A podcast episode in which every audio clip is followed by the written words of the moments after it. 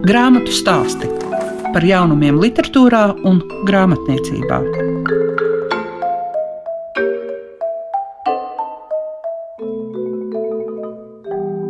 Savu skanējumu sāk grāmatu stāsti, un šīs dienas raidījumā, ko veidojas Liega Piešiņa, jūs dzirdēsiet Zani Zustu.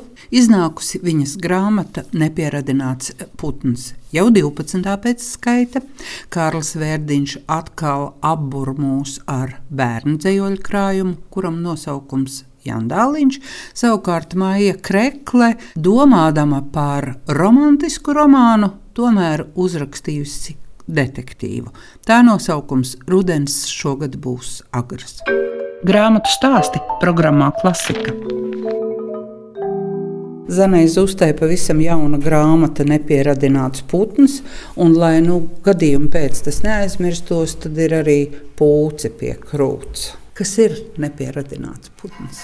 Nepieradināts putns Mēs jau mazliet uh, smejamies, ka viss sākās ar tarakāniem, ja runājam par pieaugušo grāmatām, un tagad ir putni. Nu, es domāju, ka tā ir tāda laba izaugsme, un ka viss iet tikai uz augšu un labāk un labāk. Nepieradināts putns, tas ir romāns pieaugušajiem, romāns par kādas meitenes pieaugšanu. Tur ļoti daudz iziet cauri tieši kādas jaunas meitenes dzīves stāsts par to, ka galvenā varona vārdā Linda kādu dienu atnāk mirkli par vēlu mājās no skolas, un viņa nav paguvusi satikt savu tēti, kuru viņa nekad nav redzējusi iepriekš. Bet viņš viņai ir atstājis uz gultas rotaļlietu un saldējumus saldētavā. Un šis fakts ir patiesa. Tālāk jau pieslēdzas mana fantāzija par to, kā varētu izvērsties šis stāsts. Un 208 lapušu garumā mēs varam iziet cauri Lindas dzīvei. Es ceru pieķerties viņai, par ko liecina jau arī pirmās lasītāja atsauksmes, un noskaidrot par to, vai Linda satiks savu tēti. Jo es vēl nepateicu,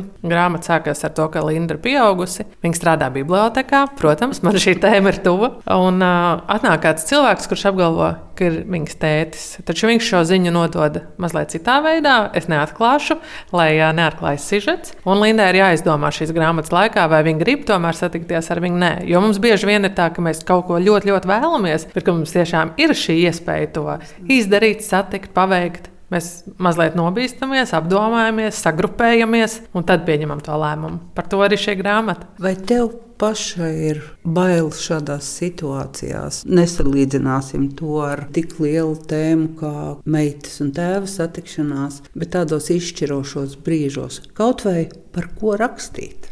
Mazliet jau ir, jo patiesībā es esmu ļoti neizlēmīga. To zina man tuvie cilvēki, man draugi, mans vīrs, par to, ka ļoti bieži es nespēju ātri pieņemt lēmumu. Ja man saka, Zanēm, 1, 2, 3 izlemts, tad es parasti svārstos un ilgi domāju. Noteikti es esmu šo savu svārstošo pieredzi ielikusi arī šajā grāmatā, jo es tiešām nevaru izlemt, kā labāk darīt. Kāds būs sekas tam, kā lēmums pieņemšu? Nav taču vienmēr jāpieņem ātrs lēmums. Jā, es nezinu, ir dažreiz tie sasteigtības lēmumi, nopirkt kaut ko, ko nemaz nevajadzēja, vai izdarīt triks, reklāmas triks. Jā, un es domāju, ka es arī pat esmu tādas ātras dabas. Es gribu ātri runāt, ātri domāt, un tad šķiet arī lēmums jāpieņem ir ātrāk. Bet tad, kad es pavēroju tos cilvēkus, kas atbild lēnām, kas izdara lēnām. Es domāju, ka no viņiem var pamācīties, jo šķiet, ka viņi kaut kā to visu vairāk procesē sevi, un tas eh, lēmums ir tāds nopietnāks. Ar ko tu dzīvē vari salīdzināt to, ka tu esi sākusi rakstīt, tu esi iegūsi aizrautību, kam tu vari pateikties, ka tu raksti? Tas ir tas, ka es rakstot jūtos tiešām laimīga. Es jūtos piepildīta ar to, ka es esmu izdomājis pirmkārt ideju, jo arī šai grāmatai es ilgi domāju, no iepriekšējā romāna ir divi gadi pagājuši, un es domāju, kāda varētu būt tā ideja. Un tad, kad tu izdomā to ideju, un tu sāc viņu rakstīt un dzīvot pat līdz tiem varoņiem, tas man ir tas interesantākais. Dzīvot pašai līdzi, jo es nekad neizdomāju, kādas būs beigas vai kas būs. Es eju līdzi tam solim.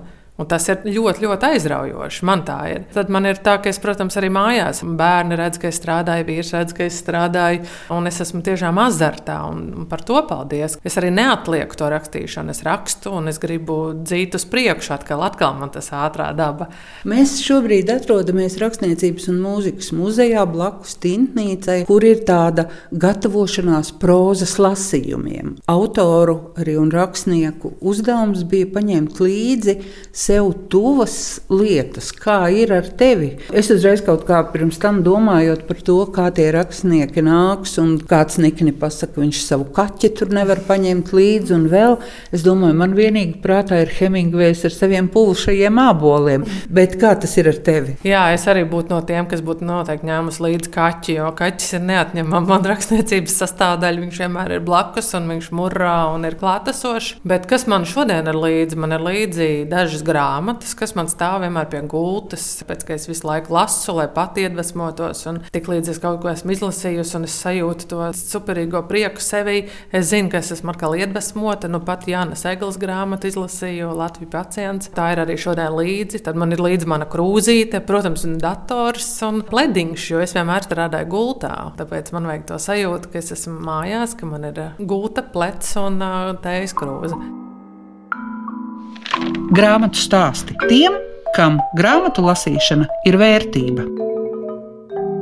Es domāju, ka ļoti daudz labprāt piedalītos jaundāliņā, bet viņiem nevienmēr ir drosme to darīt. Un to apliecina arī Zajols jaundāliņš, kur pierīgā var izjust pareizas un nepareizas lietas. Bet uh, Kārlim Vērbiņam ir iznācis trešais bērnu dzējoļu krājums. Vai tu kādreiz domāji, ka tas tā būs? Nu, kad es sāku rakstīt dzējoļus, tad es vēl nedomāju tik daudz uz priekšu. Es nezināju, ka es rakstīšu gan pieaugušajiem, gan bērniem. Bet man liekas, interesanti rakstīt dažādos stilos, dažādās formās, arī dažādām auditorijām. Uh, Un tādēļ es gūstu prieku no bērnu dzējoļu sarakstīšanas. Vai tad ir jāiejūtas bērna ādā, vai jālūkojas uz pasauli savādāk, bet tas, kā šajos dzējoļos tiek uzburta jauna pasaule, nu, man liekas, tas ir brīnumaini. Lielas paldies! Es domāju, ka es noteikti mazliet esmu bērna prātā, un ikdienas dzīvē tas varbūt mazliet traucē.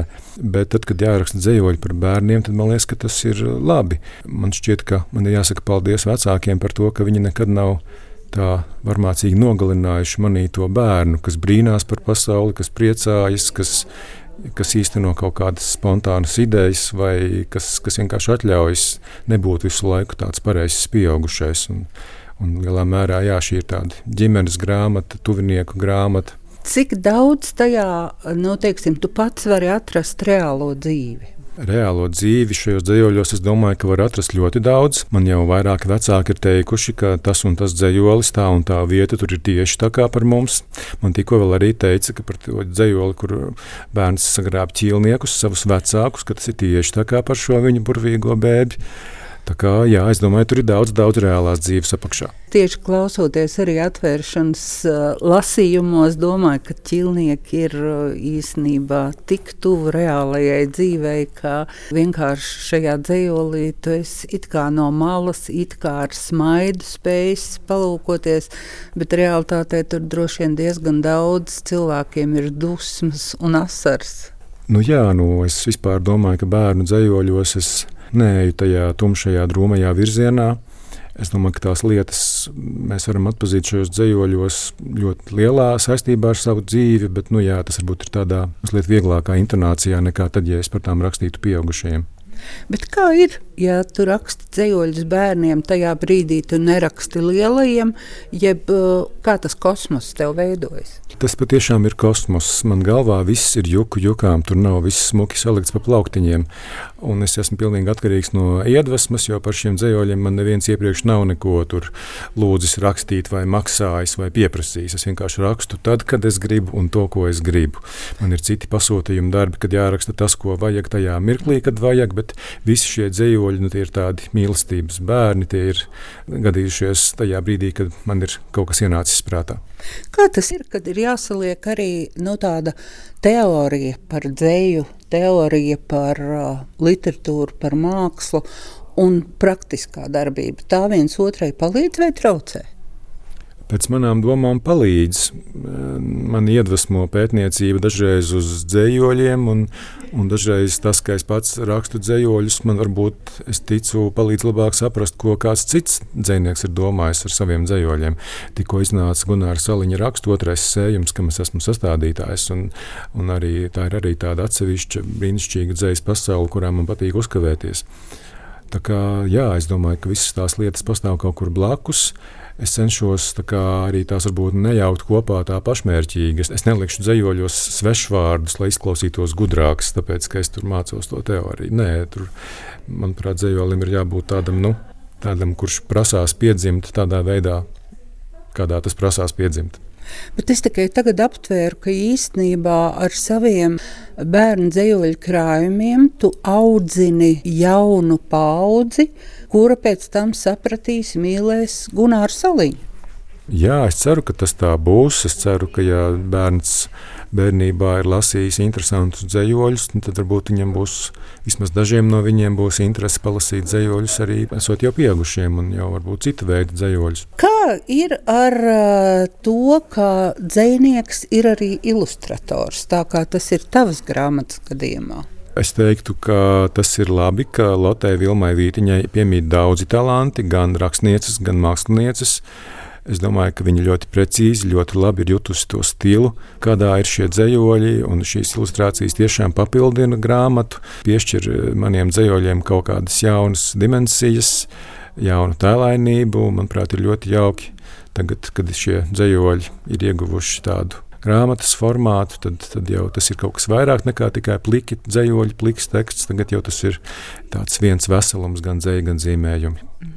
Man liekas, ka arī tas, kas ir šis vārds vizualizācija, un ka tevis rakstītie dzējoļi vieglāk vai viegli klājas uz papīra kā zīmējumi. Nē, nu, ilustrātoram tas varbūt dažreiz ir tieši grūtāk, jo, ja dzējolī jau ir daudz kas aprakstīts, Tieši. daudz kas parādīts, nu, tad nav jau jēga atkārtoties ilustrācijās. Un šajā gadījumā ir ļoti interesanti, ka šis ļoti pamanāmais īpašais Latvijas filmas stils, kādā viņa zīmē, ja, kā tas e, papildina manus dzējoļus.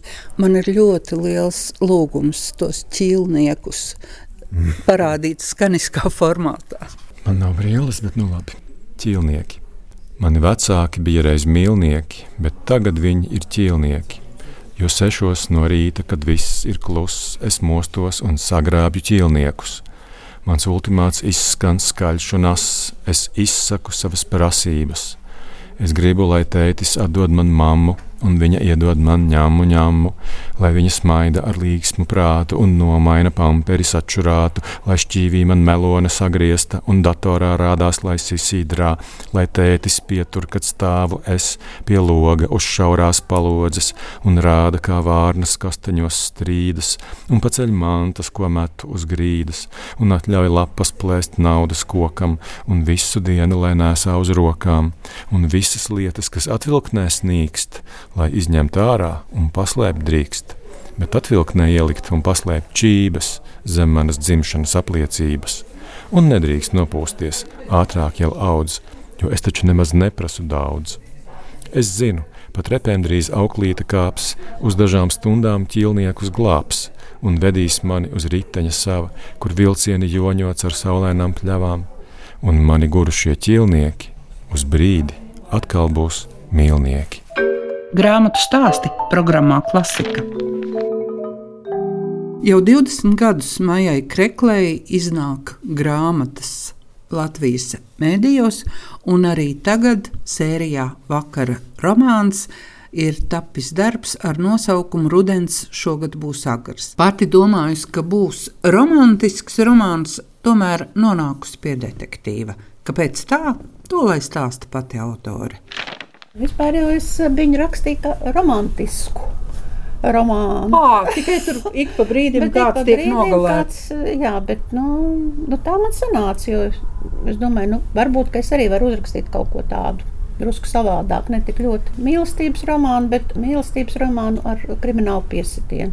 Un tāpēc es arī gluži neuzvarēju tajā vakarā romānu konkursā, jo daži to uzskatīja par romantisko romānu, un tad tam par daudz līķu, un priekš krimināla romānu tur atkal par daudz mīlestības. Bet, nu, katrā gadījumā man teica, ka romāns nav slikts un tīri labi uzrakstījies, bet es diez vai kādu kriminālu romānu uzrakstīšu. Bet, bet tas bija tāds nu, vienkārši sānsolīts no manas taisnās mīlestības Bet līnijas. tev bija kāds prototyps vai kas, prototyps? jo te bija tā kā policists, pēc tam izbijušais policists, un viņš kaut kā iemanījās vai nu cilvēkus, kurus viņš uzskata par saviem draugiem, nogalināt, vai mīļotos cilvēkus, nu, un tad pa starpu vēl, vēl dažus. Tas romāns sākums bija kā viņš vispār radās tā idejas. Vienu vakaru peldējos dīķī, tas jau tiešām bija vakars, un bija tādas tumšas ēnas un koki apkārt, un tāda tā dīvaina sajūta. Un tad eh, es tā mazliet bišķi paklopu un tā kā drusku pakļuvu zem ūdens.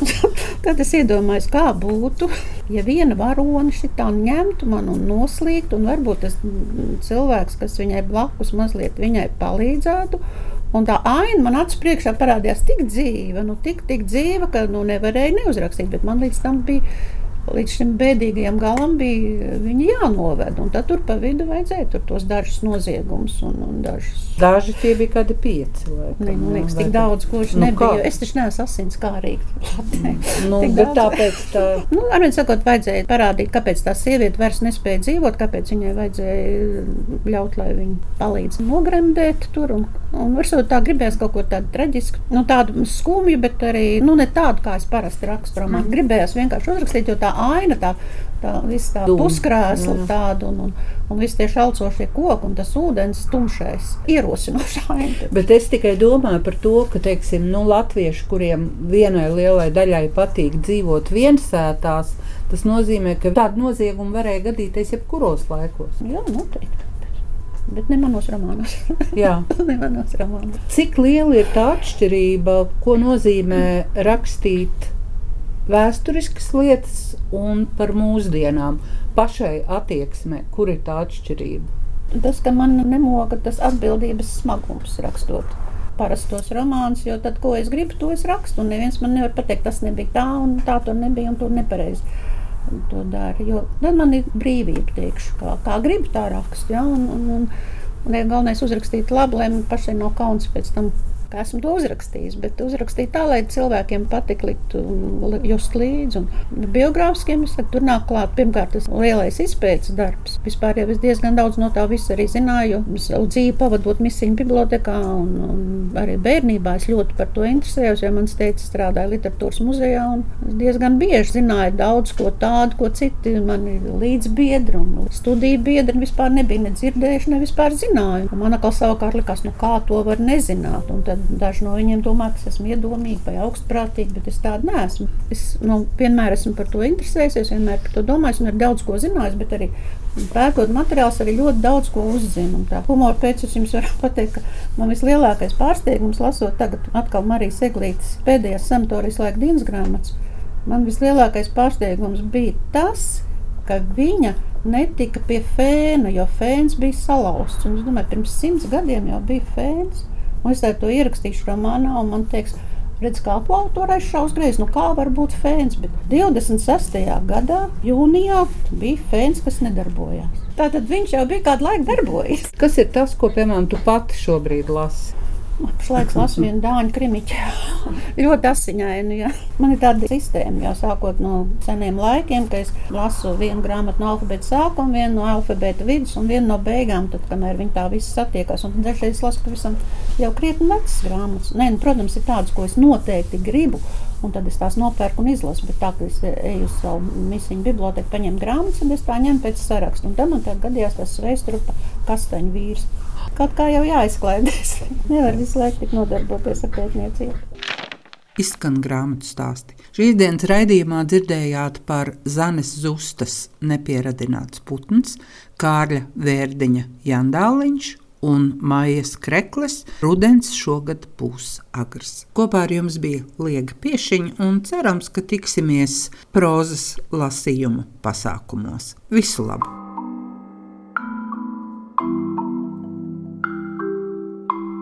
Grāmatu stāsti par jaunumiem literatūrā un grāmatniecībā ik trešdienu, 9.5.